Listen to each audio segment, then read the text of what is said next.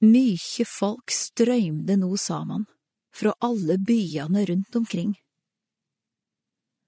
Da ei stor folkemengd hadde samla seg om han, fortalte han dei ei likning.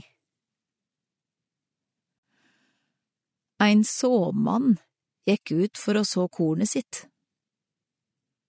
og da han sådde, fall noko attmed vegen. Det vart nedtrakka, og fuglene under himmelen kom og åt det opp.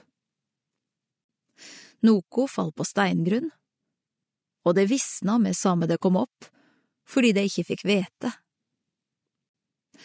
Noko fall mellom klunger, og klungeren voks opp sammen med kornet og kvelte det. Men noko fall i god jord, og det voks opp og ga grøde, heile hundre ganger det som vart sådd.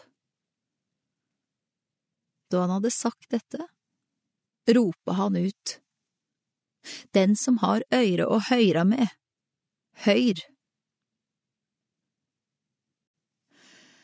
Sian spurte læresveinene han hva denne likninga skulle tya. Han svara,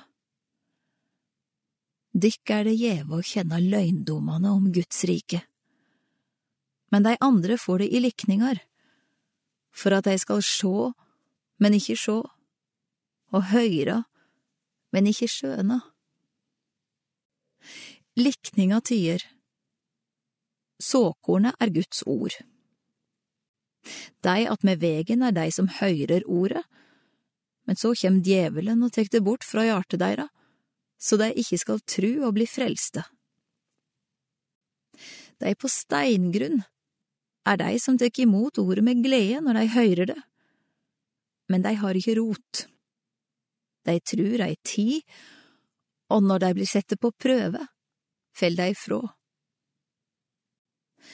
Det som faller mellom klunger, er dei som vel høyrer ordet, men som på vegen gjennom livet blir kvelte av sorger og rikdom og nytingar, så dei ikkje bær fullmogen grøde. Men det i den gode jorda, det er dei som høyrer ordet, og tek vare på det i eit fint og godt hjarte. Hell ut og bær grøde.